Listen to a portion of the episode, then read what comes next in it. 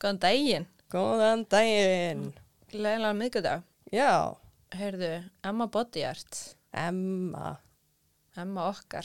Emma okkar. Uh, við vildum minningur á kóðan, hann er ennþá í gangi, ég geti farið í gat og fengið 10% afslátt eða hlusta á podcasti. Segja það bara við hana. Hlustið að má ég eiga við þið morð. Nýgött, frábær þjónusta. Já, bara glow up. Já, þá. Aðeins hérna í þessu volaði. Þegar ég er búin að klára mitt gat, það er nefnilega þá að jafna sig, sko. Það ætla ég að vera í næsta. Já, Það ætla bara að hafa eitt í einu á því að ég nenni ekki að þrýfa meira en eitt gat. Já nei, Með það er, það er svo leiðilegt. Nóður Já. saltvatn. Já, Ég nóði alltaf svona nefnjösápu. já, já. já. þá sagt mér að gera það Já. og hún bara gerði það til æviloka að því annars fyrir þú veist, einhver, einhver pía back in the day og ég bara, ég, þú veist, ég þrýf ekki gati með hérna litla hérna, Nei. en það er, hefur ekki komið fiskilegt Ég kaup alltaf saltvatn bara í apoteki. Þú veist, þú getur keft svona nokkra staupa saman og þetta er bara eitthvað 300 kall eða eitthvað. já, já, svo leið segma Já, næs. mm en hérna kikið til Emmy í gat Já, og líka ef þið eru farin að byrja að vesla jólagjafir kikið inn á síðuna og sjáu hvort þið finni eitthvað smart emmabodyart.is Já, en takk Emma fyrir að styðja okkur Takk Emma. og podcastið. Já. Já, Eða já. þá að byrja þetta. Já. Hundar. Yey. Nammi. Yey. Flatey pizza. Oh. Bjór. Eitt í viðbót. Ok. Ströndin. Yey. Mamma og pappi. Oh. ah, já, þurftum aðeins á þess að halda. Já. Við erum svona að reyna að peppa okkur í lífið. Já. Finna jákvæði hlutina. Já, það búið að vera svo mikið niðursveifla í samfélaginu maður. Mm Þetta er hræðilegt. Já. Það er allir dán, einhvern veginn. Já. Allir eru berries with the series. Já, það er bara allána við. Já. Við erum berries with the series, þannig að smá hérna, smá, Við þurfum að muna að leita því jákvæða. já. Og ég er líka alveg neikvæð manneskja, sko. Já, ég get alveg verið að líka, sko. Ég er kvartari. Ég, ég fæ út úr því að kvarta, sko. Ó, ég líka. Já, en núna er ég aðstóð þjálfar á Del Carnegie námskeiði Ú, og markmiðið mitt yfir námskeiðið er að einbeita mig að jákvæðni. já, þetta, mér líst vel á það. Já, það er bara svo næs að ranta og... Ég veit það. En, En samt svo þegar maður er alltaf að því, þá fer Mhm. maður bara í svo mikið, hérna, er allt neikvægt. down spiral. Eins mikið það getur verið gott á einhvern veginn. Og ég er að reyna að stoppa mig í hvert skipti sem ég er að segja eitthvað neikvægt eða að ranta og í hvert skipti sem ég fatta það, þá stoppa ég og byttu, fyndi eitthvað jákvægt núna. Hundar! Hundar! Nei, við, það sem ég ranti við. Já, ég, Fattar? já, ég veit það. Það var bara svo fyndið. Alltaf hundar. Já, hundar, yey! Við sáttum hérna á það. og við vorum eitthvað svona hálf þungar á því og svo byrjaði að hakla allt í nú og hundar, hundar yey! og ég bara, já, já, veistu Notum þetta. Já, þannig þetta er búið að vera hark haustharkið er komið Já. en veistu, ég er búin að vera mjög dán Mm. og hérna bara það er mikið hérna álag veist, skóli og það er vinna og það er þetta og veist og þá fer ég í svona down spiral Mm svona stress einhvern veginn streyta og ég finn það bara alltaf að ég er í down spirali þegar ég byrja að vera ógæslega hugmyndarík. Það er bara hugmynd eftir hugmynd eftir hugmynd. Ég er bara þetta, já, þetta, þetta. Já, og já. já, ég er bara, og ég er bara allan daginn bara einhvern veginn í kollinu mínu bara hugmynd, hugmynd, hugmynd. Mm og hérna, já, þannig ég er búin að vera rosa hugmyndafrið upp á síðkastið. Þú eru alveg að skrifa þetta niður á meðan Ég gera það, sko. Ég byrja, veist, ég, ég, hef aldrei gert það, Mhm. en núna er ég byrjað að gera það. En það er samt alveg margir sem að tengja við þetta. Sumi þurfa að fara niður til þess að, eins og bara tónlistamenn, til þess að skrifa þessi góðu þunglindislög, fattar þú? Já, þetta var líka, ég, ég, hérna, ég tengt svo mikið við hérna frikadór í æskæs. Já, þetta er búin að horfa. Já, ég horfði á fyrstu þætt- þættina hérna um helgina og hann var eitthvað svona orðingjætt, kom úsla mikla kulni í starfinu og bara eitthvað að grenja eftir einhver tónleika og hérna, og svo bara eitthvað, fuck, ég er með hugmynd. Og ég bara, oh my god, hello, It's me. this is me. Nefn að ég bara sitt alltaf á hugmyndunum mínum og svo bara fjara er burt. já, já, já. En það er gott að skrifa þið niður, kannski ferði einhvern tíma setna og bara, Já, Skoða þetta, þetta bara og- með hugmyndabanka. Mhm. Já, það er alveg næst, sko. Það er bara leiðilegt að, þú veist, ég þarf að reyna að sinna, þú veist, þessu og skólanum og okkar, en ég sit bara upp í sófa, bara, duttur, ó, já, þetta, mm, já, þú veist, og þótt að ég reyna að einbytta mér að einhverju, þá kemst það ekkert að. Ég er bara í bó, bó, bó, bó, bó, þú veist, það er, þú veist, ég hef aldrei prófa sveppi, en mér líður eins og þetta sé hvernig það er að vera og maður er bara bú, bú, bú, bú, bú, einhvern veginn. já, kannski þú ferði upp á við, sem er fara alveg niður bara í niðursveiflu Hvað á, á sveppum. já, já, En ég hef ekki prófað heldur, þetta er bara sem ég er búin að lesa um. Já, já, já. Ég hugsa sko ég, ég væri þá potið típarna að fara í mega niðursöflu sko. Mhm. Þannig að ég, Já, ég veit bara að ég eftir að fara í niðursveiflu. af því ég er bara búin að ákveða það og ég kvíði yfir þessu. já, ég, svona, ég hugsa að annað eins og í hérna 22 Jump Street. Já, þegar þeir prófuðu einhverja, ég man ekki, þeir settu miða á hérna tungun sína eða eitthvað. Og hérna Channing Tatum fekk gett gott trip og svo fekk Tjána Helgi gett vond trip. Já, og hann var bara í rigningu og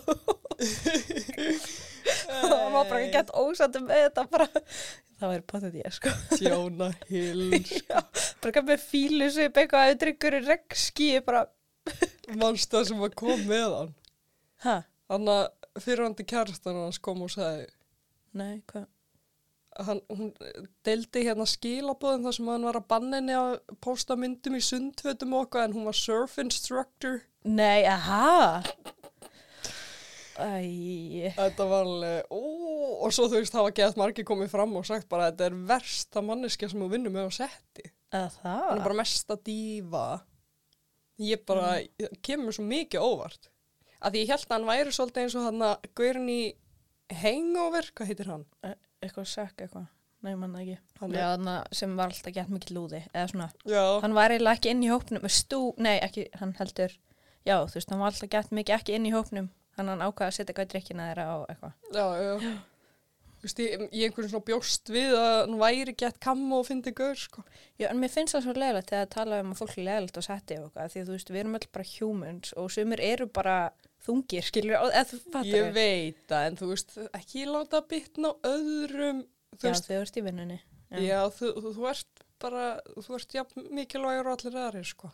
Já, ég veit það, en ég er bara að segja, þú veist, eins og það tala um að hinn og þessi sé gett frek, eða gett mikið dífa, Mm -hmm. þú veist, bara, æ, ég man ekki issi í Grey, Grey's Anatomy, Já, það var bara orðið á göttuna, hún væri bara ógisla frek, en hún bara mætti í viðtal og alveg spurði hún út í þetta, hún bara nei, en þú veist, ég kann að segja nei, ég læt ekki valda yfir mig, þú já, veist, ég já. segi það sem ég vill og þú veist, já, sumir getur tólkað það sem frekja, Mm en nei, ég myndi ekki talja mig sem það, skiljur. já, já. Þannig að það er svona meira það sem ég var að tala um. Já, já, en já, ef hann er bara gett frek, eins og, eins og John Depp, skiljur, bara eitthvað, Berja fólk á seti. já, bara eitthvað mæta fullur og láta alltaf byggja eftir sér og það er ekki gott, sko. Get ekki. Mm En ég er búin að vera að hlusta mikið á podcast -hmm. og ég er búin að vera að hlusta á hérna Lömpin þagn ekki. Mm -hmm. Ó, Já, það er svo það eru- næs. Það eru skemmtlar. fá tí beint í æð. Það eru geggjar, sko. Og svo er ég búin að fíla. hlusta á eftirmál. Mm Oh my god, já. Ógislega góði þættir. Mm Ég hlustaði líka ég hafði bara tíma, þannig að ég hlustaði á morskúrin.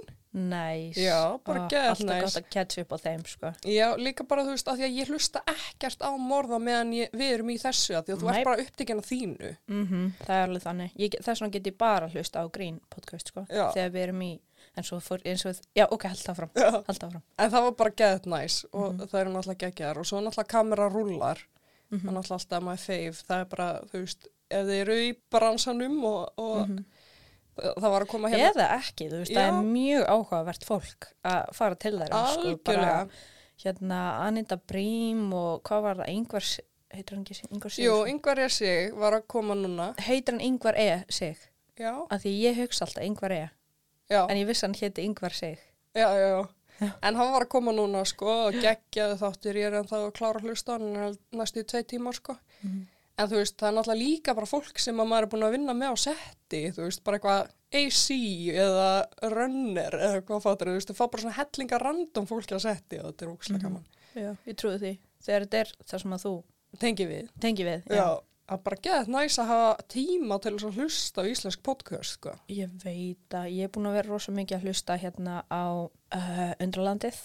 Er, ég held að það sé svona at the moment mitt upp á alls. Uh að því að hérna þeir eru svo mikið í svona einhverju heimsbyggi pælingu um eitthvað heimurinn og hérna, já svo finnst mér mjög gaman að hlusta á 70 mínútur en ég svona er eiginlega dætt út að því að ég er bara búin að fá svo mikla kulun gagvart fréttum sko ég, bara, ég get ekki meir -huh.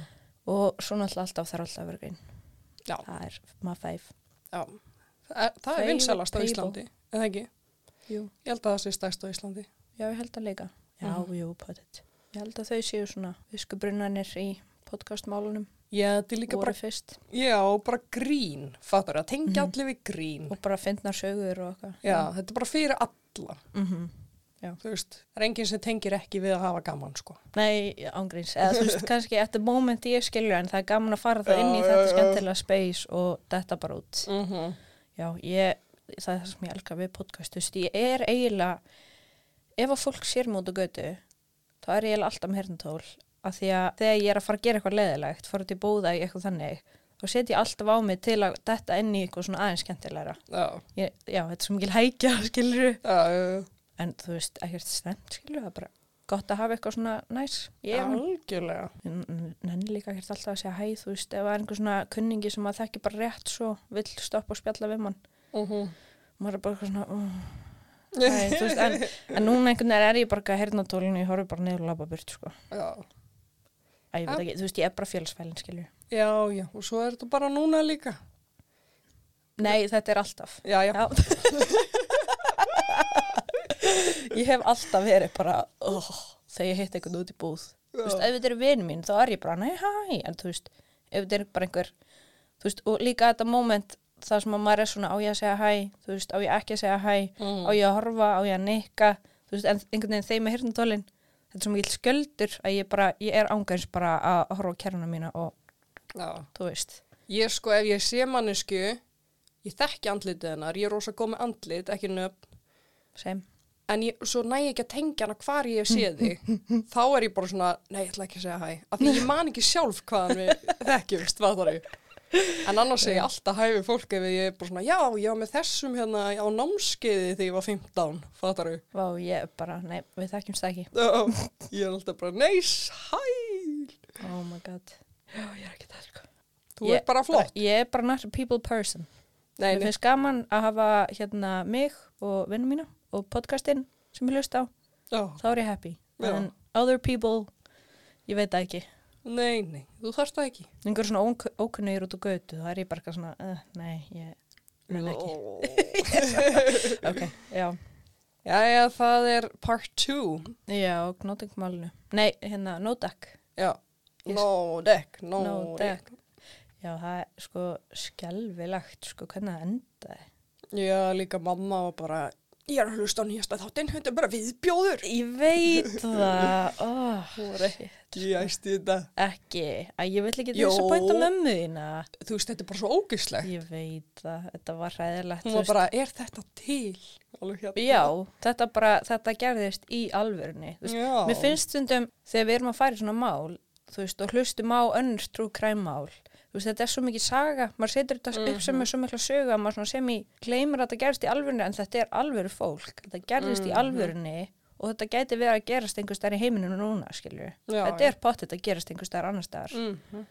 Bara, Bara ekki gleyma, this, these are real people. mm, En hérna, já, ef við þá ekki bara að, vind okkur í þetta. jú, má ég eiga við morðhækla? Já, það mátti. ok, frábært.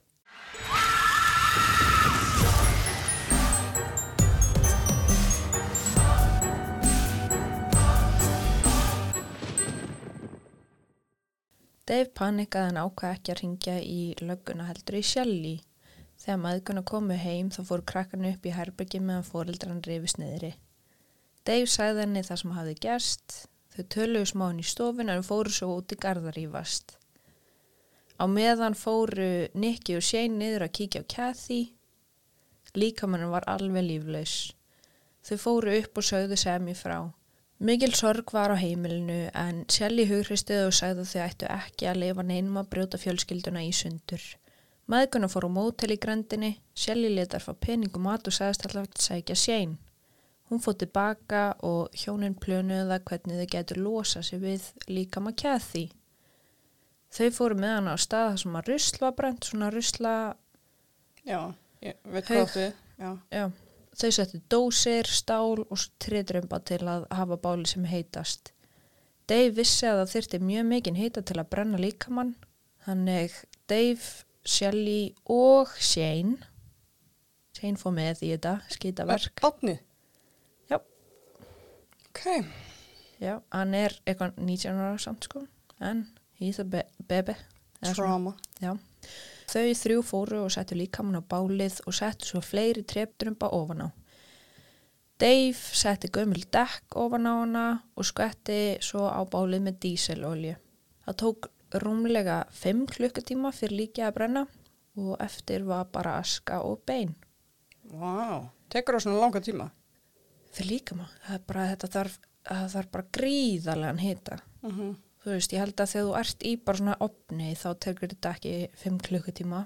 Ég samt veit ekki alveg en þú veist, ég held að en þú veist, þarna eru þau bara úti Já, já, já, með bara eitthvað dósir og eitthvað að reyna að brenna þetta þannig að já, það tók alveg sem í langa tíma sko. Mm Shelly sótti restin á dótuninu Kathyar og henda bálið svo öll ummerki af Kathy hurfu af yfirborði jarðar.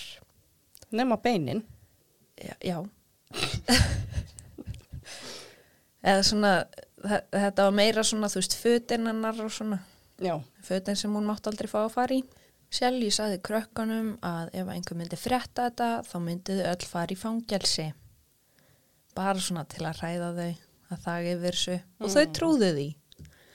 Fyrsta sagan var að hún framdi sjálfsmorð og þau ákvaða heilma ef því svo fjölskyldan myndi ekki frétta það, þú veist, ef það myndi fattast. Eftir fjölskyldufundin var séin skipað að fara á brunarúna og týna upp bitana af keði sem að urðu eftir. Já, hann gerði það og svo daginn eftir og svo daginn eftir það. Ógeðsleg auka vinna. Mm já, mjög. Shelly fannst saga sín ekki vera nógu sterk svo hún bjóð til aðra. Hún hafði kynnt Kathy fyrir vinnu sínum Rocky sem að var vörubílstjóri og Kathy og Rocky náðu svo vel saman að hún ákvað að fara að búa hjá honum. Þau funduðu með krökkunum og Shelly byrjaði að segja um söguna.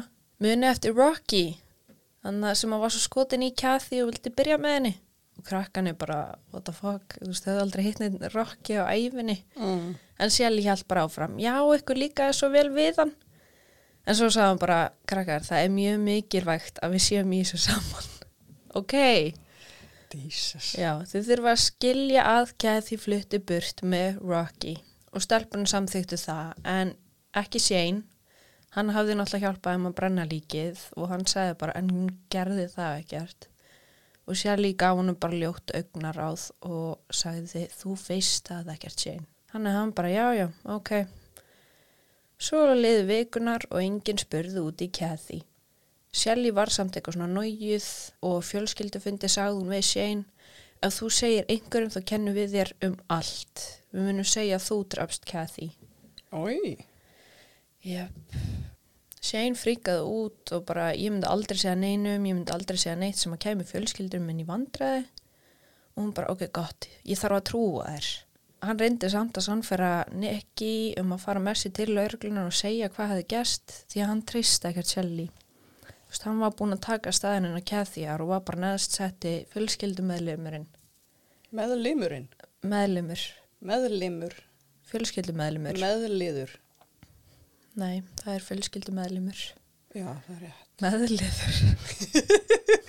Nei. Ég bjó í Danmarku í fjöra. Alltaf þetta. fjölskyldum með liðurinn. Já, og hún myndi ekkert hika við að hendanum undir strætónu eða kæma því. Hann hafði líka heyrt Shelly segja við Dave, Shane mun kæfta frá. Shelly var mjög nójuð yfir þessu og sagði Nicky og Shane að fara yfir til nágranna og njóstnum þau. Þau reyndu að kíkja inn um gluggan og hlusta á það sem þau voru að segja en þau heyrðu ekkert sérstakt. Nágrannum grunaði ekkert. En það döði ekki, svo hún sagði þeim að fara inn í skriðrýmið í húsinu sem er svona þröngt rými millir jarðarnar og gólsins á fyrstu hæð. Hmm. Er mjög mikið í bandarískum húsum, Mm ekki á Íslandi. Svona undir húsið einhvern veginn, Já, bara mjög, svona lítir í mig eitthvað. já. Mm. Þau gerðu það næstu vikurnar. Hún vildi líka rekja nágrann úr bænum. Þú veist, af hverju? Ég er bara svona, af hverju? Hún er að gera Þau- þetta miklu meira Ég veit veseni það, ég er bara svona, þau eru búin að vera að lusta og þessi nágranni voru ekkert að tala um þau og þau vissi ekki neitt, skilju. Þau eru bara að koma upp um sjálfur sig. Já, þú veist, bara ha, að draga aðteklina að sér. En hún létt sein stela mat, setja piparóða á hurðahúnin þeirra, og gaman. En sein hjælt áfram að reyna að samfæra Nikki um að flýja heimili með honum því að hann vissi hann væri ekki örugur. Hún geti snúist gegn honum hvernig sem er og sendt hann í fangelsi. En Nikki bara þorðið ekki og fannst erfitt að fara frá einu mömmu sem hún hafði nokkuð tíman átt. Mm. Ár leið en aldrei hætti sjálfi að hugsa um morðið. Þú veist svona alltaf mjög nájuð en samt held ég á sama tíma hún hafi svona verið að fantasera um það skiljur. Mm. En ég veit það ekki. Hún held alltaf áfram að reyna að sannfæra Dave um að Shane myndi leysa úr skjóðunni og þá væri hún í djúpum. En Dave var ekki á sömu skoðun, hann horfði á Shane sem er sinn eigin. Þau eru búin að vera með hann alveg bara fleiri árin sko Mm og vissi að hann myndi ekkert segja. Einn daginn kom Dave heim og í dyragættinni beigð Shelly eftir honum. Hún hjælt á blóðugum barnanærbusum og sagðist hafa fundið þær í skúrnum þeirra. Hann trúði hann ekki og vissi alveg hvað hún væri að reyna að gera en hún hjælt áfram og að Shane væri hann misnóta Tori og skipaði honum að gera eitthvað í þessu. Shane auðvitað neytaði og sýsturna trúði þessu heldur ekki Þær vissu líka að mamma er að hefði fundið upp á þessu til að koma Shane í vandræði. En plani virkaði og Dave barði Shane í stöppu um kvöldið. Hvað hefur hún svona mikið á móti? Og hún er náttúrulega bara augljóslega fucking psychopath, skilur. Mm. Og hún er alltaf búin að vera að velja sér einu, veist, einu mannski til að fókusa á. Mm Þú veist, fyrst var það Nicky, svo var það Kathy, nei, svo var það Shane, svo Kathy, nú er Kathy bara dáin. Þá er hann komin aftur í þessa ábærandi stöðu. -hmm. En hún er líka bara umulig við Nicky og hennar Sammy, skilur. Mhm. Vist, hún er ennþá að pynta þær en Shane er bara neðstur í fæðukeðjunni. Já, Yes, greið kallinn. elsku kall, sko. En já, þá fekk Shane nóg og sagði við Nicky að ef hún myndi ekki koma með honum, þá myndi hann fara einn. Einn daginn rétt fyrir tvítugsamæli Nicky hvarf Shane. Shelly og Dave sögðu stelpunum hann hefði strókið og hann skildi eftir fyrir Shelly lítið fugglahús sem hann hefði smíðað í skólanum og með því var miði sem hann stóð I love you mom. Eftir að Shane let sig hverfa var Nicky orðin miðpuntur aðteglina hjá mömmu sinni aftur. Hún fór að loka hana út úr húsinu og láta hana sofa úti. Stundum fór hún í einn af skúrunum sem þau áttu en oft gist hún bara út í skógi. Ömulegt líf, sko. Þetta er ógeðslegt, þetta er ógeðsleg kona. Ég veit að ég bara, ég er svo reið og brjálið, -hmm. þú veist, þetta er bara svo ógæðislega ömulegt. Þetta er svo ómannlegt. Já, mjög. Stundum kom tímabil þar sem að Shelly var góð við hana en Ni- Nicky vissi alltaf innst inni að það væri bara stund milli stríða. Spældi því, skilur þetta mamma en og þú veist bara að þetta er bara mun enda einhver tíman. Mm -hmm. Nicky var látin vinna út í kuldónum og nærbuksunum, alltaf með þessar nærbuksur. Já, og æst í það. Já, og eitt skipti hljópun út til hana brjáluð og skar hana með flugbyttum hníf Blóðið fossað út og Nicky flúði diskó til að jafna sitt og komast frá Shelly. Auðvitað mátt hún ekki fara upp á sjúkrahús, þó svo að það var augljóst að það þurfti að sauma skurðin því að þá myndi einhver komast að því hvernig fjölskyldulífið væri. Eitt daginn var Sami að sinna sínum verkum og komaði Nicky inn í hlöðinni þar sem hún var að gráta og hlæja og, og þá hérna spyr hún bara þú veist hvað er í gangi hún sagði ég reyndi að drepa mig. Ég get ekki einu sinni gert það rétt. Æ, en hvað er Nikki áttu gömul? 19, 20, 22 þú veist þetta er frá 19 til 22 Já, en já þær hlógu bara saman sýstunar af fárunleikanum sem að þær þurft að díla við Vinu Semi vissi að hún ætti förðulega mömmu sem að loka hann út á kvöldin þegar komu heim með hana. Þegar hún hleyfti Semi ekki inn þá byðaði bara fyrir utan. Stundum skruppaði þær að kaupa sér eitthvað að borða og komu svo aftur og held áfram að býða með henni þangar til henni var hleyft inn. Æ, Ógeðslega góða vinkunur, ég bara, Já, samt, þú veist, þetta er svo not, eða svona unjudgmental. já, Alveg algjörlega. stundum samt með, eða þú veist, það er svo margir sem myndir bara, ew, weirdo, bara hún er gett vonda mömmu. Já, en það er bara einhvern veginn býða með henni og bara, þú veist, oft þetta bara, var þetta mjög langu tími, þú veist, þær gáttu farið í bæinn, keft sér að geta, komið aftur, byðu lengur. já, ég líka bara hugsa, þú veist, það er greinilega einhver óþróski að þú veist, að það er láta ekki vita af þessu. Já, Þú veist, þær fatt ekki alveg alvarleika mjálsins og að það verði eitthvað gert í því ef það myndi láta vita, þú veist, það eru kannski hrættur um að hún lendi í vesenni eða eitthvað fattar ég. já, sko, ég held að allir fóreldrarnir vissu að Shelly væri smárugluð en ég held bara að á sama tíma hafi fólk ekki átt að segja á því að hún væri að beta þér ofbeldi, skilur ég. Mm Hún væri bara svona gett skrítin. Já, þetta var líka back in the day en þú veist, í dag það er bara mjög skýrt að þú ert að læsa batnið eitt úti og það þarf að sofa út í skói að það sé á fucking óbeldi. Mm Mjög svo. Ég held að það, þú veist, já, En það er þetta líka á. Íslandi, skilur Það er á Íslandi núna. Þetta er um, í Raymond, veit ekki alveg hvar það er, það er ekki aðna Vancouver. Mhm. Já, þetta er bara, þetta er svona pæling. Mm En kærastinn hennar Keili gerði það sama. Hann flautaði líka oft bara þangað til hann var hlift inn. Sjalli vildi ekki að elstu sýstina tölu saman og stíða þeim oft í sundur og bannaði þeim að tala þegar voru of nálegt hver annar fyrir hennar smekk. Því jú, þær voru að baktala mömmu sína. Það var leina það sem þær töluðum. Já, þær hafðu nú, höfðu kannski bara ekkert annað að tala um. Nei, hugsa ekki. En líka bara svo að þetta er svo stórt í þeirra lífi, hvað mamman er umulega. Mhm. og þær eru bara, þú veist, Nikki er hérna, eiginlega bara heima til er mitt. en talandi um það, Nikki útskrifast úr skólanum og vildi koma í háskólan. Hún hafði fengið námstyrk frá Grace Harbor Community College og ætla að læra Criminal Justice. Ó, Já, hún var mjög spennt að flytja í burtu úr sem ömulegu heimilisaðstæðum því hún vissi að hún ætti betra skilið. mhm. Mm. En fyrst þurft hún að sækja gráðuna sína. En fljótlega eftir að skólinn byrjaði, hörfu skólafittin hennar, svo hún átti bara eitt sett að jökimböksum sem voru ripnar ógislar eftir alla gardvinna sem hún hafði syndi í þeim. Svo tók Það var mamman. auðvitað, ekki er semi að fara að gera þetta, skiljur. Svo tók Sjelli í rúmið hennar og sagði henni að að að. Næst hætti hún að fá pening fyrir samgöngu til að komast í skólan. We are cutting you off, Nikki. You don't deserve anything we've done for you. You're so selfish, ungrateful.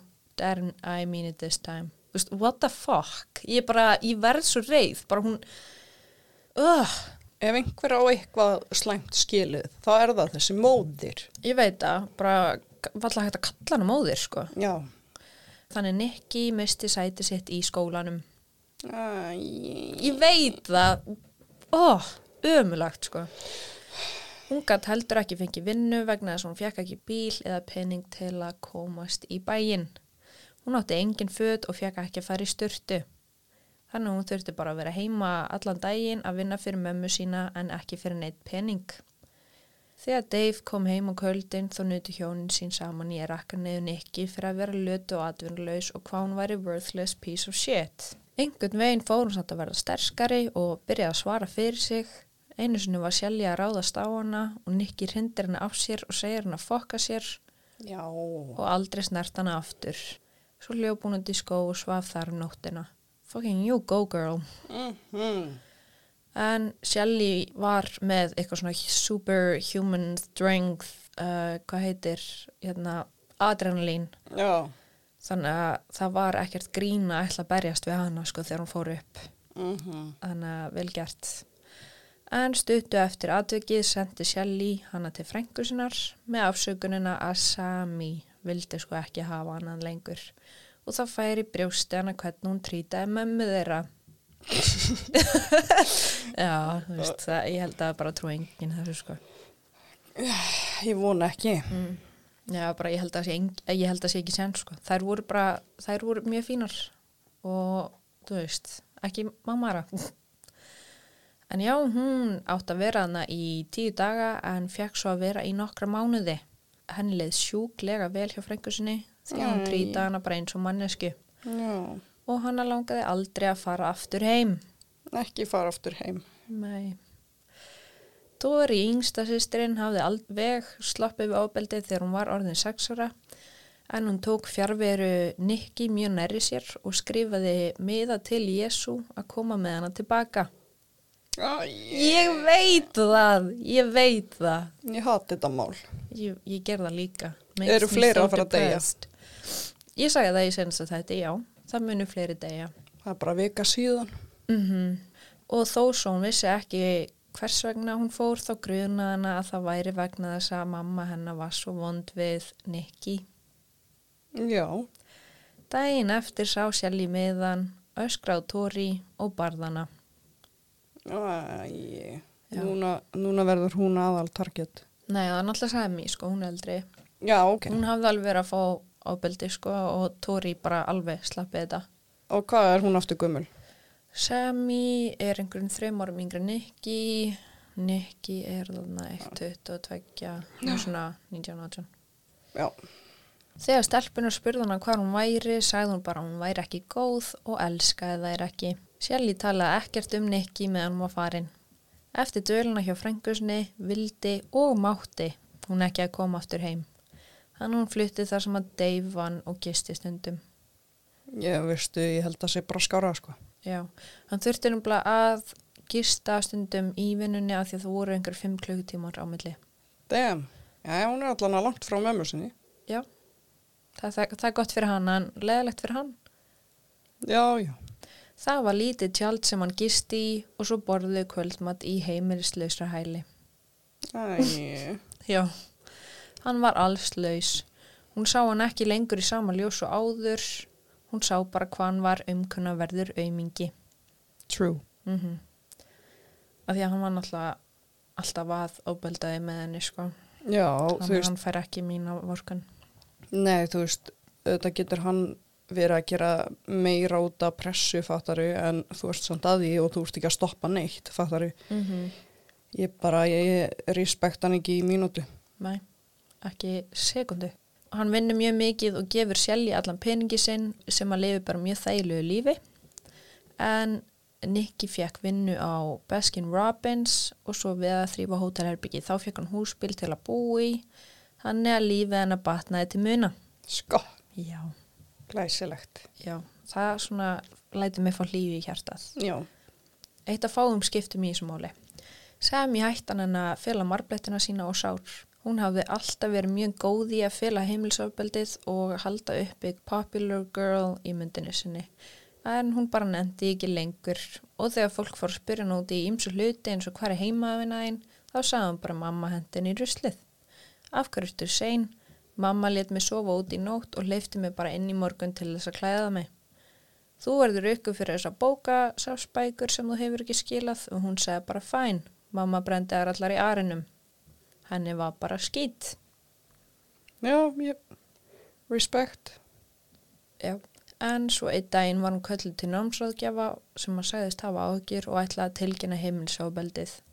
en þá var hún mjög hrætt um allt sem að kæmi ef það myndi fréttast bara hvernig mammina væri og hvað mammina myndi gera við hana og hún sagðist að veri að ljúa öllu Æ, ég veit það þú veist bara hversu erfitt að koma fram.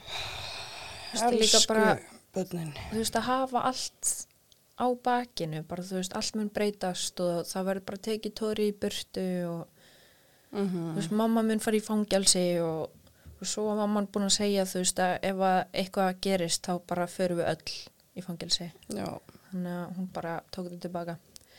Þegar Sami útskrifaðist og reyndi að komast inn í háskóla þá var það bara sama sagan með Shelly hún gerði allt til að eðilegja fyrir henni, hún viljandi skila ekki pappirunum fyrir Sami svo hún geti sótt um Evergreen State College var draumurinn hennar að fara í háskóla og vera fyrsta manneskjani fjölskyldunni til að fá gráðu. Fyrst Shelly klúraði þessum umsóknar eðublöðum þá ákvað hún að flýja heimilið. Hún pakkaði öllu dótinu sín í fimm ruslabóka og svo þegar maðguna fóru þrjári vestlunulegangur yfir daginn þá kom vinkonunnar að það. Þú veist, so smart girl. já, það er já svo góða vinkunur, I love it. Já, hún sko, ekki Nikki. Nú, Já, hún átti bara séin. já, ok, ég held að Nikki hefði átt hina vinkunar hana. Nei, nei, nei, það var Já. bara Sami. Það var já, ok. Þegar hún kom heim og allt ódæðan var farið þá fann hún afsökun til að yfirgefa húsið. Svo brilliant. Mm Ógeslega sniðugt. En já, hún gisti fyrst hjá vinkonu sinni og svo kærastanum. Mammans, mamma kærastan sem sagt, vissi að Shelly væri klikkuð þar sem hún var þekkt í bænum sem Psycho Shelly. Svo hún bauðist til að skutla Semi til Löru Og sem var ammenar. já, einmitt. Hún skildi eftir bref fyrir mömmu sína þar sem hún sæðist elskana en þurfti að gera þetta. Veit ekki hvort það hafi verið einlagt eða ekki. Jú, þú getur ennþá elska Já, já, já. þín. 100 Þótt p. að- Já, 100 p. Það er svona að segja, ég, þú veist, ég veit það ekki. þú þekkir ekkert annað. Mm Hún var hjá Löru allt sumarið. Hjónunni leist illa á sjálfstæði stelpnana og gerðu allt þau gátu til að eiðilegja fyrir þeim. Dave kastaði múrstein inn í ísbóðuna sem að Nicky vann, Baskin Robbins, og stuttu setna var hringt í ísbóðuna að láta vita að Nicky hafði haft eitthvað með það að gera. Þá fór hún að vinna hjá Löru ömmu. Þá fór að bera skvartanni, gagvartanni og ríki þurfti að koma á rannsakana. En öllum líka svo vel við hana, íbúum, fjölskyldum og starfsfólki, svo ekkert var úr því. Dave fór að mæta fyrir utan vinnunennar, svona ógnunar, taktík einhver, Mm og Nicky fór að hræðast að myndi ræninni og fara með heim. Og þetta var alveg real ógn, skilur, þú veist, hann Já. gæti alveg gert það og er þá föst.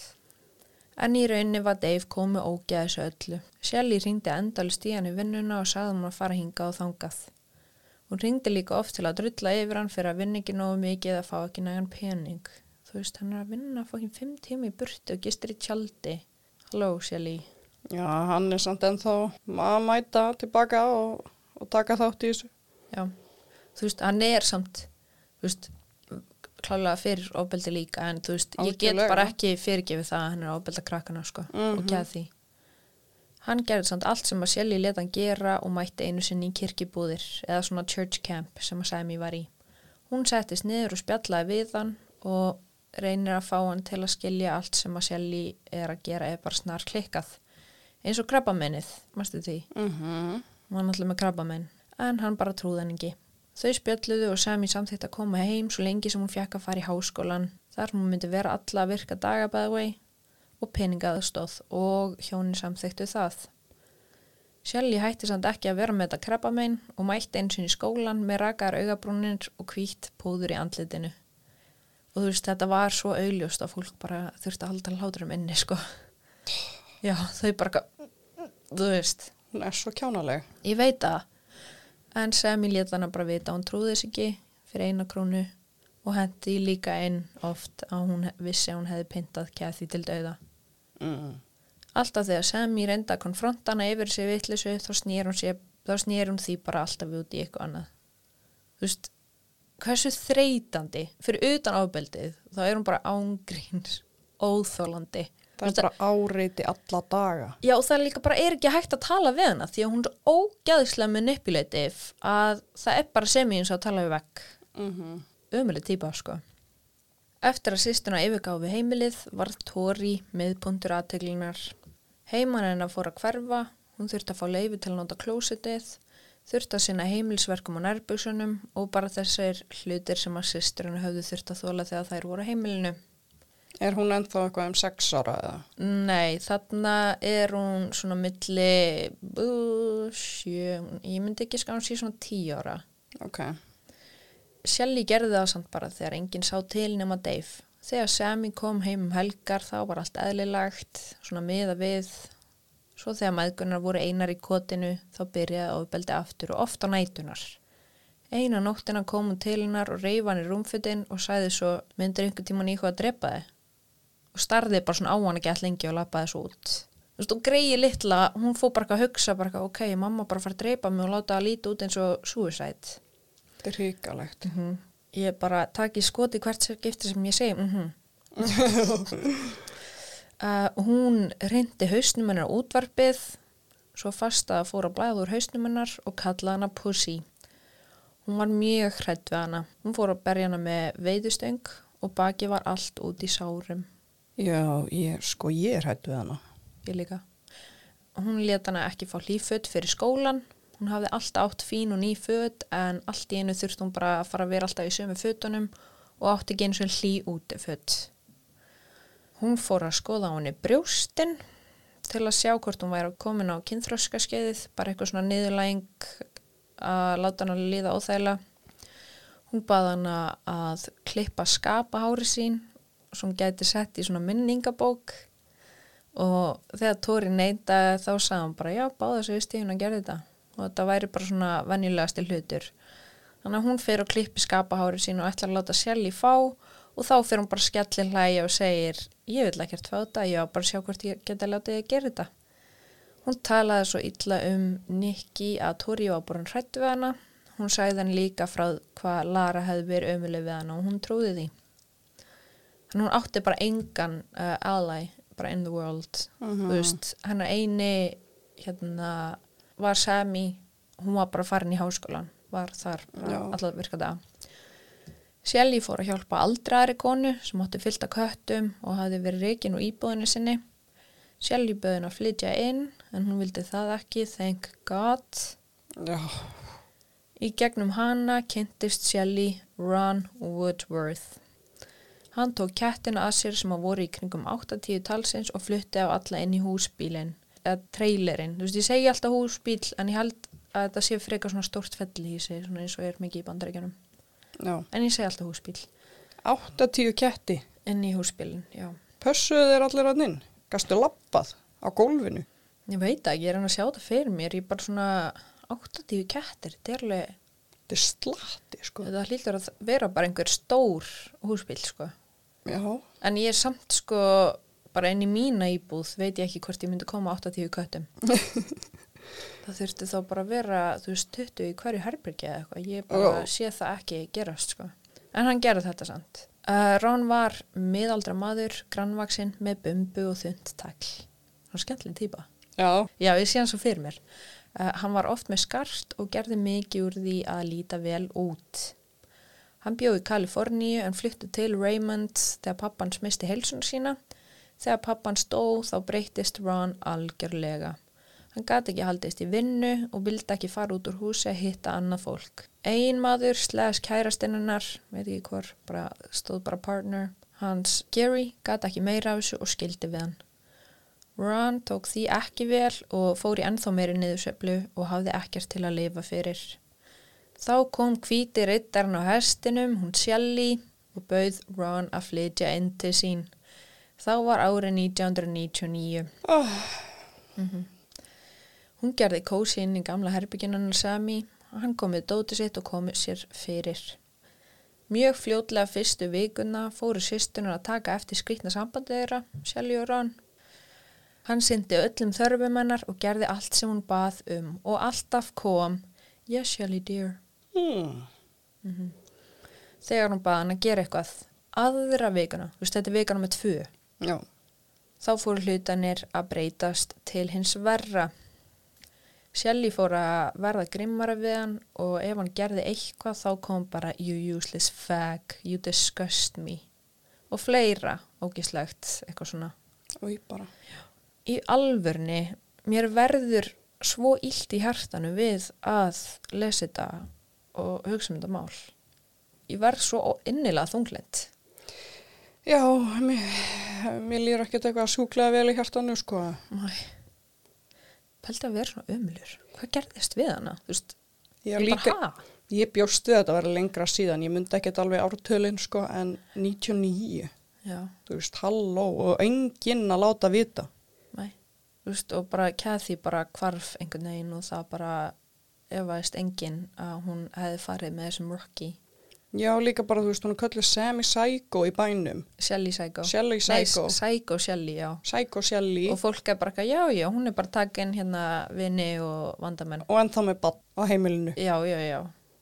Ég, ég skilit ekki, sko, en þetta er náttúrulega alltaf að koma upp. Þú veist, þetta er ennþá að gerast í dag. Já, muni bara að það er aldrei, þið látið barnavendanemnd aldrei vita of oft. Nei, þú veist, og þau fara alltaf í það að skoða, skilur þú veist, þetta er bara, þú veist, fólk er svo hrætt við barnavendanemnd, þú veist, þau eru bara komin til að hjálpa, skilur Mm þú veist, það er, það, og það er ekkert tekið bönni nema að séu bara svona ekstrím aðstæður, skilur Já, þú veist, þú þarft ekki að vera hrætt við barnavendanemnd ef þú hefur ekki gert neitt. Nei, og líka bara, þú veist, ekki hræðast að tilkynna, bara í alvörunni. Algjörlega. Þótt þú ert ekki alveg viss og veist ekki hvernig þetta... Já, þá bara, þá bara skoða þau þetta, skilur, og sjá Já. hvort þetta sé þess verði að fara í. Sammála. Já. Hún fór að berja hann og hann mátti ekki lengur borða um mataborðið með meðgunum. Hann fekk að borða tvisar dag, vatn, ristabrauð og handfylli af pillum. Hann breytist fljótlega í skil á sjálfum sér og var alveg vankar allan daginn. Hún let alla hlutina skverfa og sagði hann að sofa í tölvuherberginu og sko undir tölvuborðinu. Já, já. Hún let hann vinna allan daginn og mestmægnis í gardinum. Hann misti klósettréttindi sín og þurfti alltaf að spyrja hvort hann mætti fara úr öðru herbergi í það næsta. Já, ég bara, eh, það kemur ekkert lengur óvart í þessu máli. Ok, wait a minute, wait. Og alltaf með þetta fag og bara I won't have a fag using my bathroom og alltaf eitthvað að henda fag á hann. Hann fór að pissa í flösku og fela. Sandra vinkona Ron fór að reyna að hafa samband við hann en Shelly leiði honum ekki að hitta hann. Sandra sá að þetta var eitthvað skríti vegna þess að þau hefðu verið vinir mjög lengi svo hún sagði Shelly að hún myndi fara til lauruglun og tilkynna hann tindan. Mm. En þá ringdi hann bara og sagði henni ekki að gera það og hann var að fela sig frá lauruglunni. Og sko, þú veist, ég veit ekkert hvort að hann hafi trúa því það var eitthvað vesen með húsbílinn hans, eitthvað svona skulda eitthvað, en þú veist, hann var að leita á hennum, sko. Nei, var hún ekki bara búin að segja um að segja þetta? Ég annarkvort eða bara hræðan í það að hann þyrfti að fela sig og vera þarna hjá henni, skilur Mm. En viku setna uh, ringdi Shelly í söndru og hann að láta Ron vera því hún væri af valdunum svo miklum kvíða. Hún einangraði hann líka frá fjölskyldunum sinni. Hún kynntist mömmu hans og var svona milliliðið milli mægnana og gerði sitt besta til að eitra samskiptin ein- eins mikið og gat. Þú veist, það var eitthvað svona viðkvæmt aðna, þú veist, að hann átti að hafa verið að sjá um hana. Var held ég ekki að gera það alveg nógu vel og hún átti að hugsa um kettin hans og hún bara hleytti þeim öllum út af því að það voru, þú veist, 80 kettir, skilur. Mm. Hún leta hann skrifa ljót bref til hennar og svo hitt hún hana og mætti heim bara eins og engill og skildi ekkert í þessari hægðun hjá Ron. Hún fór líka að hjálpa henni með hitt og þetta og segja öðrum ættingum hvað Ron væri búin að vera að hugsa illi mömmu sína. Nikki var farin að hýla eftir þetta stanslisa trauma sem að, að trauma sem að badnæskanarinn var og ákvað að segja löru frá Kathy. Hann tilkynna þetta því að hún gat ekki burðast með þetta lengur.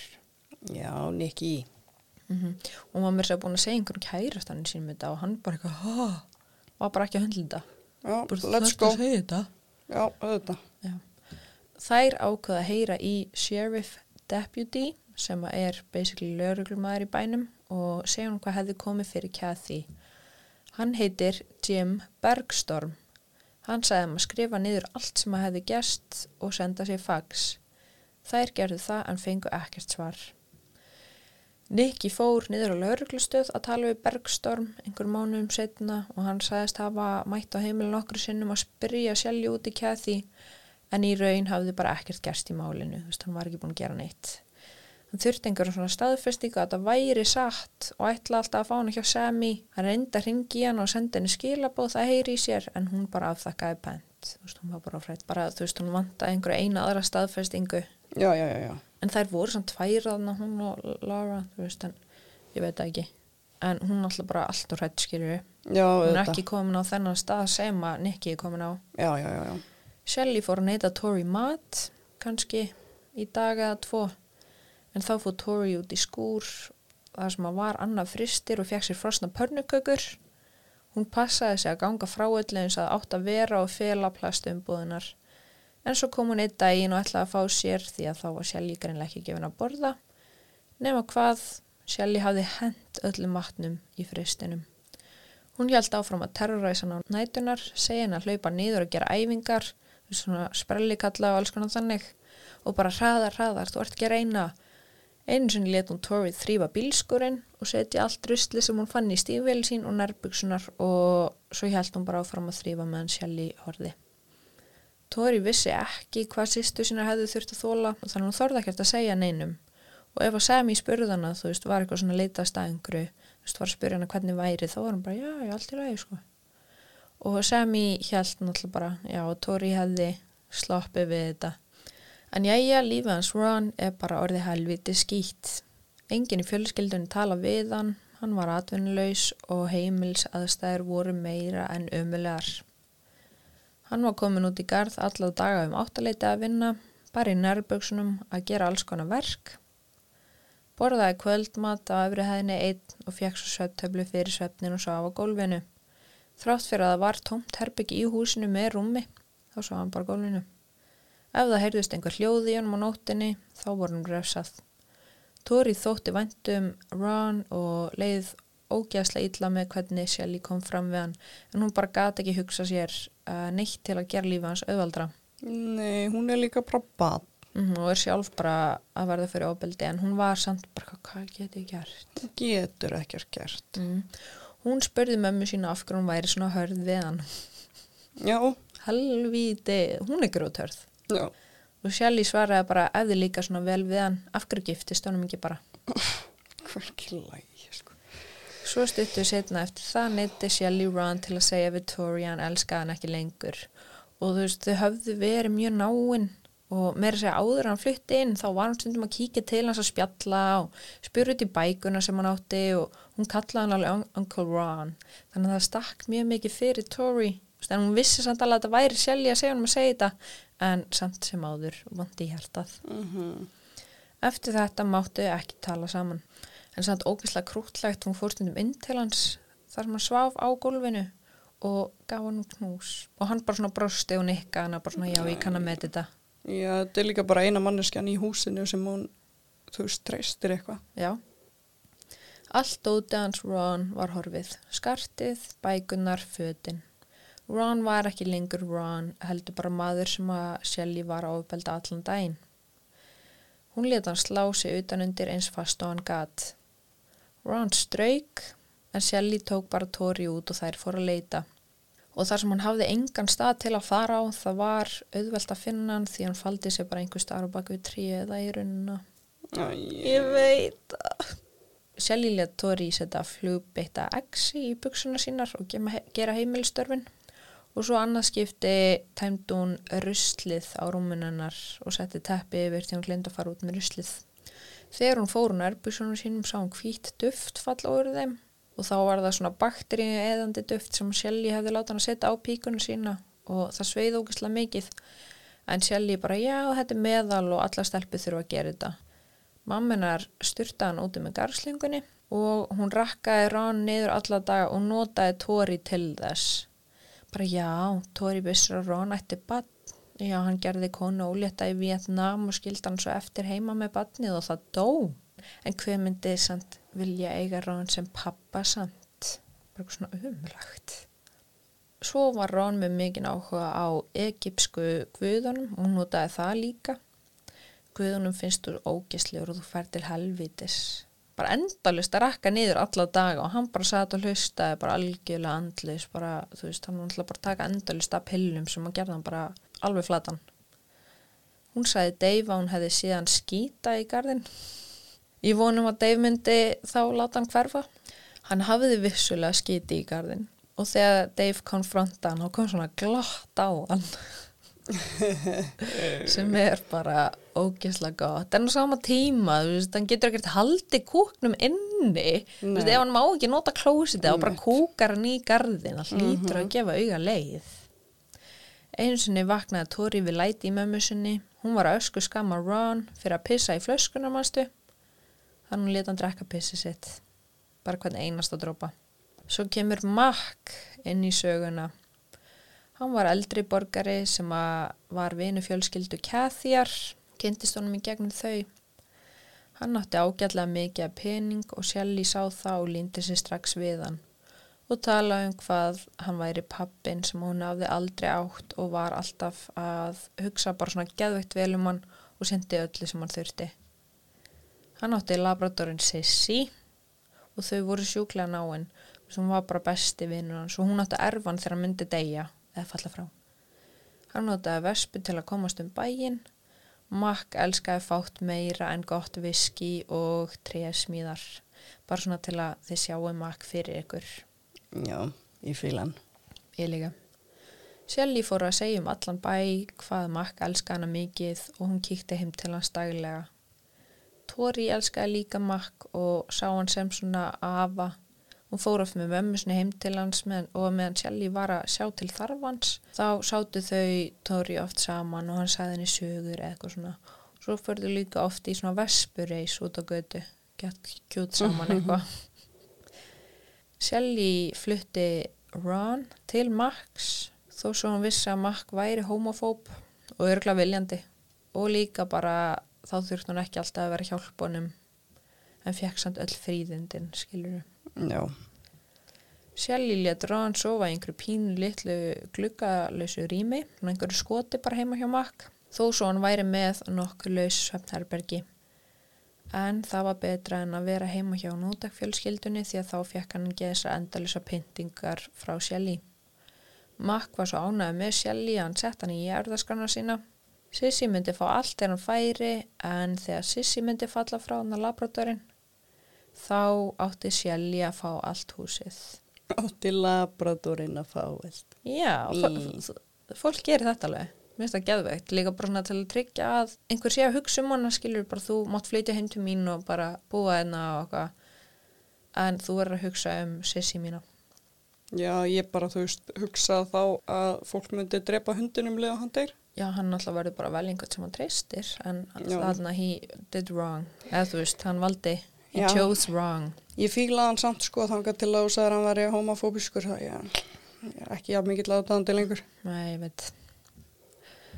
Uh, hann gerði uh, Shelly Power of Attorney sem er held ég svona umsjónaðali og umsjónaðali eignanans sem var gott fyrir Shelly því að þau voru störblöng og með einhverja miljónir í skuld sem voru dreyðar á alla fjölskyldum meðluma líka dætunar mm. allt peningur sem að Shelly hefði bara notað í þú veist bara eitthvað svo í februar 2002 fær Tori símtal frá mömmu sinni sem að sagði henn að Mac væri farin á spítalan því að hann hefði dottið og ástandi væri ekki gott hún sagði henn að Ron hefði verið á staðinum og var svona pínu að kenna honum um skilur en engin veit í raun og veru hvað gerðist í alvöru en á sama tíma var hún bara í skíunum þannig að þú veist, halló mhm mm Mack náði sér ekki eftir fallið og dó á spítalunum.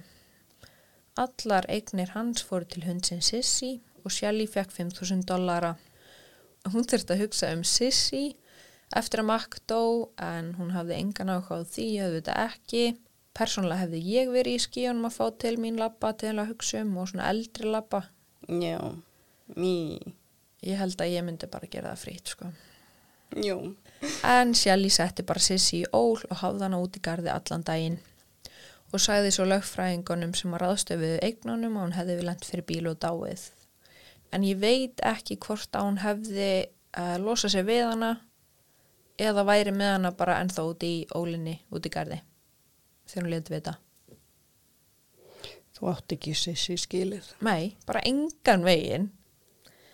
En Shelly, og Shelly fór að kenna Ron um að hafa dreipið makk sem að mér- finnst bara mjög hæpið, þú veist, hann fekk að búa þetta heima hjá hann og slapp við Shelly og hennar refsingar og eldaðlusu vinnuna og hann fekk líka að vera í fötum bara því að þú veist, Makk var ekki alveg að fíla það að samkynniður maður væri að hugsa um hann og ég veist um að hann myndi gútera það að Ron væri eitthvað á nærbuksunum að hugsa um hann. En hann mögulega gerði það þú veist, því að Shelly sá hann að gera það það er líklegt en ég, myndi, ég held að hann myndi ekki ákveða allt í einu bara að íta Makk úr stólun sínum að því bara. Nei, ef einhver drapan eða átti hluta í því, þá, þá var það sjálf sko. 100% en hann sagði bara já, það er rétt. Please ekki segja neinum. Svo fór hann að segja Tori að hann hefði dotti úr hjólastólunum sínum og Ron hefði bara staðið og hort á hann gett lengi að hann hringdi. En breytti svo sögunni og sagði að hann hefði farið í dá og Ron hefði ekki látið neitt vita. Ég held að þetta hafi verið hún sko. Þrótt fyrir að það er ekkert það veit enginn og bara hann væri morðingi og fag og bara he makes me sick og endalus bara hvað hann væri gladaður og við Tori sko sem elska hann. Lara hjælt áfram að reyna að fá Jim Bergs. Vá, þetta var að fara að vera eitthvað mjög sænist hérna. Jim Bergstorm Já, gamli. uh, Jim Bergstorm Nei, já, oh my god, ég get ekki hætt ég get ekki, já. Ber Bergstorm til að skoða Shelly betur. Hún sagði hann að uh, hún sagði hann frá Mack og að Shelly hefði örgulega dreipið hann en Bergstorm var bara ekki alveg að kaupa þetta því að Mack var jú gamall og búin að vera veiku lengi þannig að það var í raun ekkert til að skoða þarna. Þú veist, þetta er umulagt og þú veist, hún hafði rétt fyrir sér og hann hefði klálega eftir að hlusta á hann en þú veist, ég skil samt alveg hvað hann er að meina. Já, en samt á sama tíma þá var hún komin í erðaskrána og eitthvað, mér finnst það alveg, þú veist, eitthvað jú. Mm Ron var komin á endastöð í lífinu og hann var mjög hóraður og búin að missa alla tennunar. Stelpuna heldur að hann væri orðin eitthvað veikur. Hann var alltaf skítur, veiklulegur og bara út úr heiminum. Hann var svo stjárfur alltaf. Bergstorm kom loksins heim til fjölskyldunar bara í fyrsta skipti og sér það Ron. Þegar Ron sá Bergstorm hljópa hann út í skó. Bergstorm var hins vegar ekki að til að kanna Shelly, heldur hann var hann að koma til, með blöð til Ron. Hann hefði fengið nálgunabann frá finnum, fyrir vinnustað Shelly fyrir að ringja endalaust, senda skeiti og ég held hann hefði líka verið að mæta á staðinn til að hrósa Shelly og hvað hún væri frábær því að átt að reka hana fyrir að vera bara psycho bitch. Það var hins vegar rekja hana og hann fekk nálgunabann. En hann hljóð bara út í skó, þannig að Shelly ringdi upp á stöð og sagði við Bergstorm bara að hann byggja ekki annað lengur og hann væri fluttið til Tacoma. Og Bergstorm bara, ég var að sjá hann. Mm En hún bara, já, ef hann kemur aftur á ringi. En í leiðinni spurði hann um Kathy og hún sagðist ekki hafa síðan hana í langan tíma. Svo kom bref og heimilið sem að stóð. Byssuskotin sem að heyrðir í gær voru frá Kathy. Eins og drottin Jésu Kristur þá reys hún líka frá dauðum og er komin tilbaka til að hefna sín og ashes to ashes. Þetta var bref sem að kom heim til hennar. Til Shelly. Já, Ok. Engin á heimilinu kannaðist við þetta og það hefur enginn síðan þá komið fram og sagst hafa skrifað brefið. Og ég er svona spá hvort þetta hafi verið Lara eða Nikkja ræðana. Mm Eða einhver úr fjölskyldu Kathyr sem hann grunnaði eitthvað hefði komið fyrir hana. Eða kannski að hann tengda mamma, Sammy. -hmm. Hún spurði báða dætuna sínar því að Nikki var Sammy bara döð fyrir henni. En þær voru báðar mjög hissa og vissu ekkert.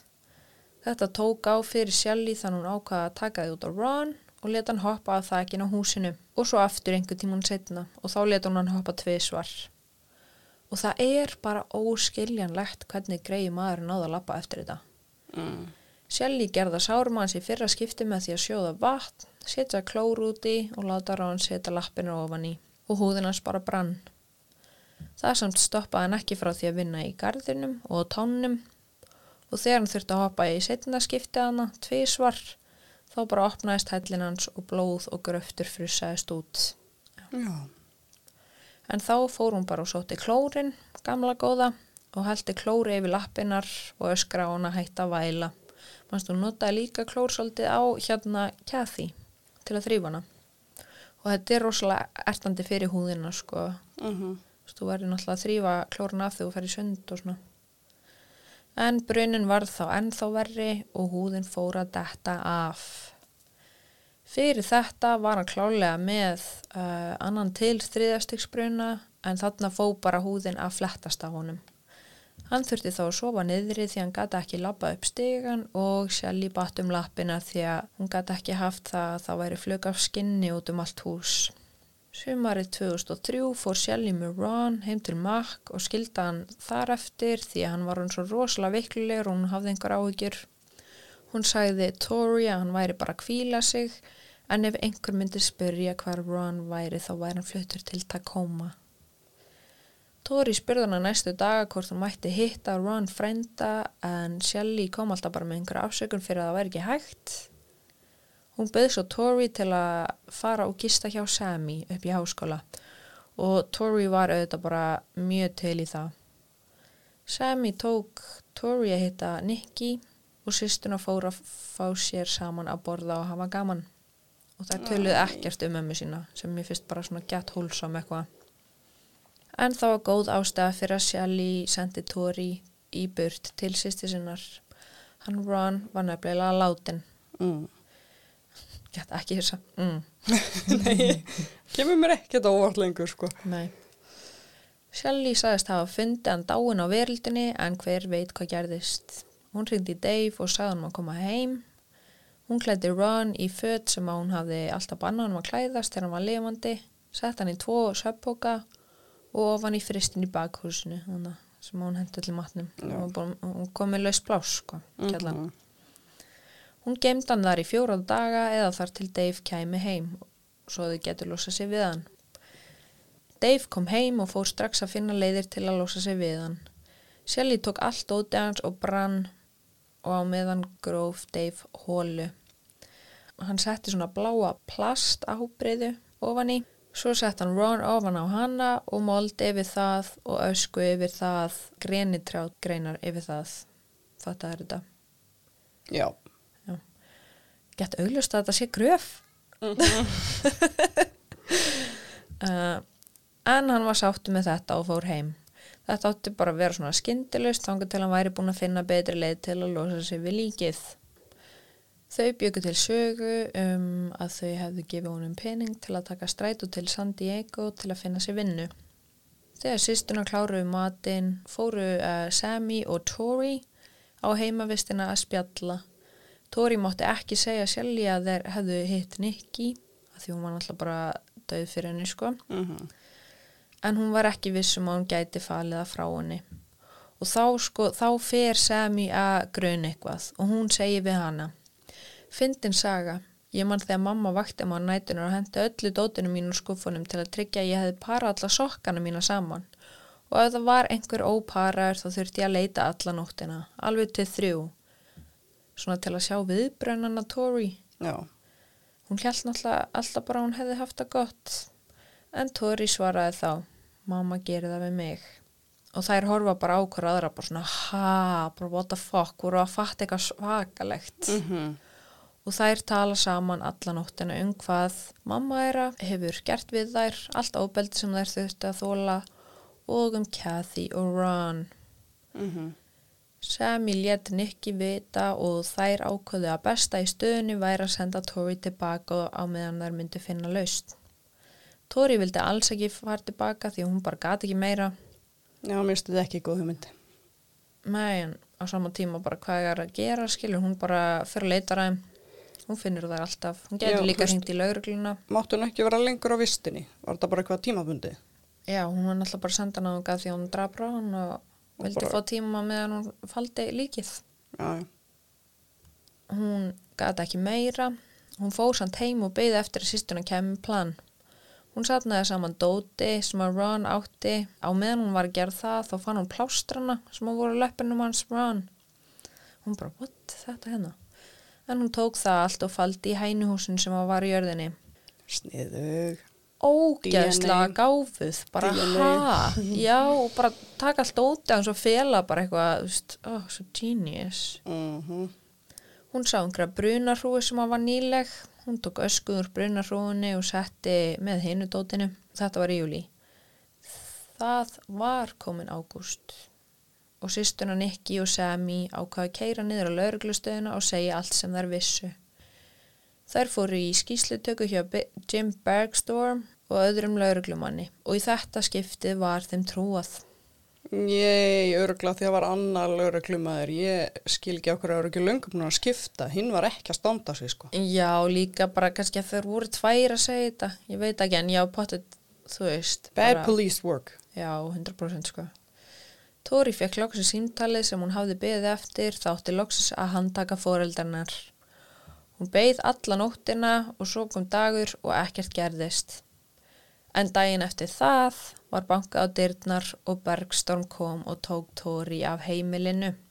Woohoo! Veit það, svo happy. Yay! Þetta er eitt af fáum punktum sem að ég er happy í. Mm þessu máli.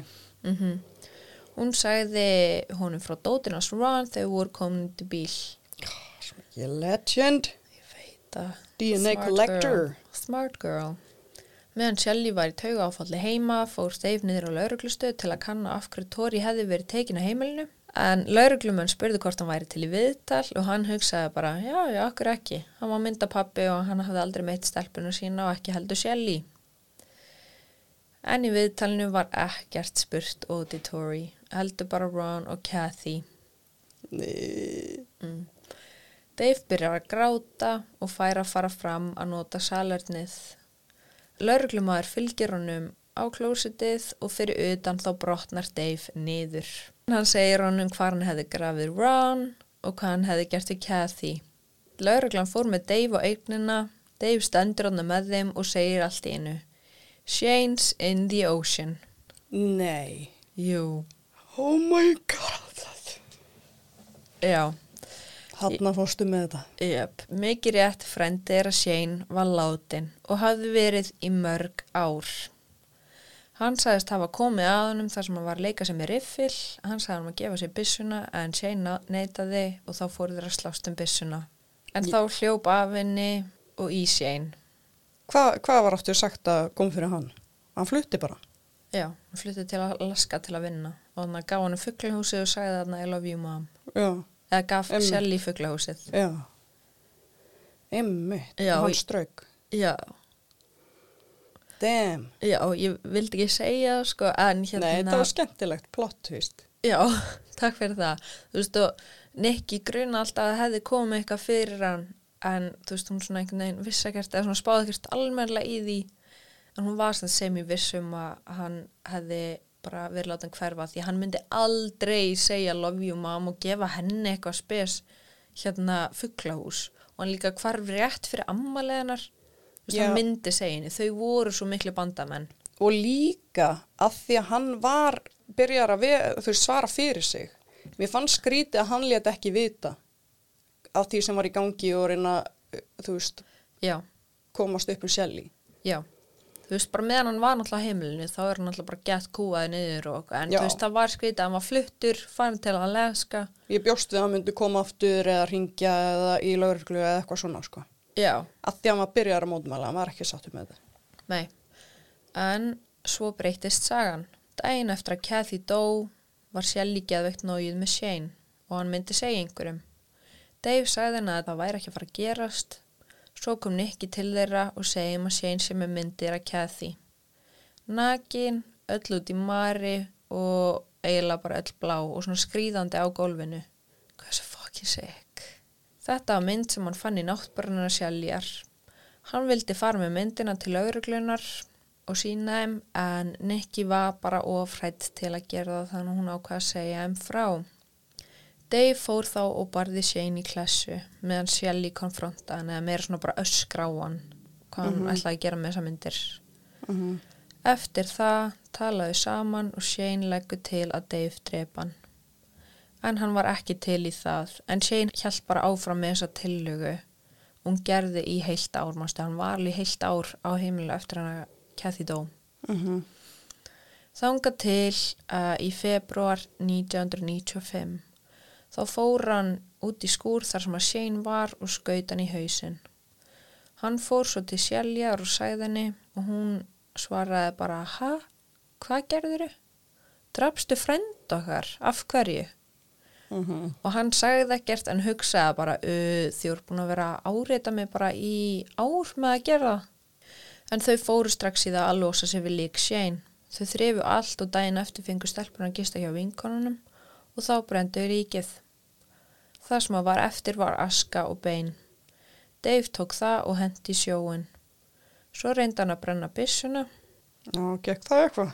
Nei, hún brann ekki. Nei. Þannig að hann sett hana upp í einhvern skáp og opnaði skápin aldrei aftur.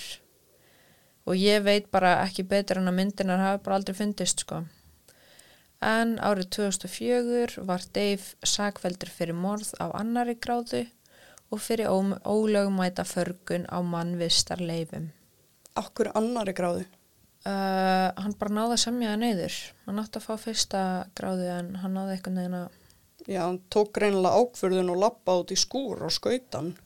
ég veit það, en kannski bara eitthvað með að hérna Shelly hafi bara svona semi neitt að niða. Já, já, alright. Hann fekk 15 á fangilsistóm en komst út eftir 12 ár á reynsli lausn árið 2016.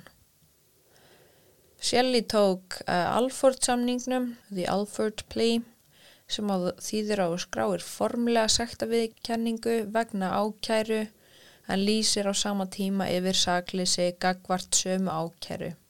Sem er bara, já, ég er gildi en ég er samt sakleys á sama tíma, fattur þau? Meikar engan sens. Ég veit það, en ég held að þetta sé bara svona þurfum öll sönnangögnin en ég ætla samt að vera, eða, þú veist, ég veit ekki, en bara þegar þú tekur því Alfred Plea þá þarf þetta ekki að fara til réttar. Já, og hvað fekk hún? Fyrir pyntingu og morð Cathyar, Rons og Shanes fekk hún 22 ár í fangelsi en komst út eftir 18 ár á reynslu laust og það var í november í fyrra eða árið 2022 og þarf að vera í undir eftirliti í eitt ár sem að klárast núna í november. Eitt ár. Hvaða rugg er þetta? Ég veit ekki, hún er bara komin út. Hún er bara komin út í heiminn. Og hvað?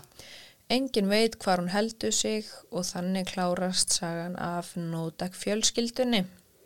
En er, hérna, er ekki til myndir á netinu að þeim og eitthvað? Vissulega engin- þá veit fólk hvernig hún lítur út en það hefur engin spottað hana sko. Engin sem að hefur séð hana einhver staðar og látið fréttameila vita. Uh, nei, ekki sem ég sá. Það kemur bara alls staðar að engin veit um hvar hún er. Mikið er leðilegt að hún sé bara eitthvað. Living a life. Já, þetta er samt mjög, þú veist, það var gert bókur og mynd. Bókin heitir uh, If You Tell, sem er mjög góð og ég veit ekki hvað myndin heitir, ég þóra eiginlega ekki að horfa á hana en það er pottitt bara hægt að googla hérna Nodeck með kái, movie og þá kemur hún pottitt strax upp. Já, mér langar ekkert að sjá hana. Mér langar ekkert að sjá hana, sko, ég þóri þetta er svo ógæðislega gróft dæmi, mér finnst þetta bara eiginlega of disgusting til að geta að horta á myndina. Mm En já, þetta er svo rosalega um, þekkt og frækt að ég held að það viti bara sem ég allir hverju þetta er í bandaríkjunum. Já, ég er bara ósatt með að hún sé komin út, sko. Ég líka, mér finnst það bara ógæðislega skrítu og bara pynti þrjár manneskjur eða tvær, en hún pynti sér hann getið döða, hún bara leta hann, sk- þú veist, skjótan. Þú veist, pynti öll til döða og var svo líka að beita bara alla aðra í kringu svo ofbeldi. Bara all types of abuse. Og við veitum ekkert hvað gerist fyrir Sissi, labradorinn. Nei, ég sagði það, þú veist, að ég veit ekki hvort hún hérna var í ólinni eða hún hefði losað sig við hana. Annarkvort, ég held samt að eh, Sissi sé ekki með okkur í dag, sko, hún var orðin svolítið gömul. Já. Já, þetta var umulega leðilegt. Ég veit að þetta er bara ógæslegasta mál sem ég hef heyrt um, sko. Ég er bara þunglita eftir að hafa lesið þetta, sko. Ég var líka bara alltaf í þunglitiskasti þegar ég var að lesa og skrifa þetta. Ég var bara, mm, Já, ég get ekki alveg tekið svona ríkalega þungmál, sko. Ég reyni einhver tíman en úf, Ég veit það. þetta er ekki gott fyrir geðhelsuna, sko. Ég veit að ég bara, þú veist, ég hérna, ég kefti þessa bók bara eitthvað svona on a whim, þú veist, ég einhvern veginn sá hana bara í, á Amazon og hún gett út, hún kostaði bara 2 dólar og ég var að, eh, hérna, að fara í flug og ég bara, já, ég kaupi þessa bók svo bara eitthvað, þú veist sá ég bara hvert hún var að fara og ég svona, ok, það er ósent til að snúa við núna veist, ég verða að klára hana og svo bara eitthvað, ég verða að skverða mál og, og ég er bara feinandi búið Já, takk kærlega fyrir ríkalegt mál. umulegt mál, sko. Takk fyrir að þetta á því. verðið er að því, Já, núna veist allavega hver sjálf í nóttak er já, in the bad way. Já. Get ekki sagst vera aðdándi. ekki heldur og ég vona hún sé bara einhver starf einangruð að lifa landinu og ekkert fólk sé í kringum hana Já, við erum báðar bara svona gett gráði bestur Herðu, ég segi þá bara takk í dag já, takk. Sjást í næstu ykkur. Alright, bye, Bye. bye.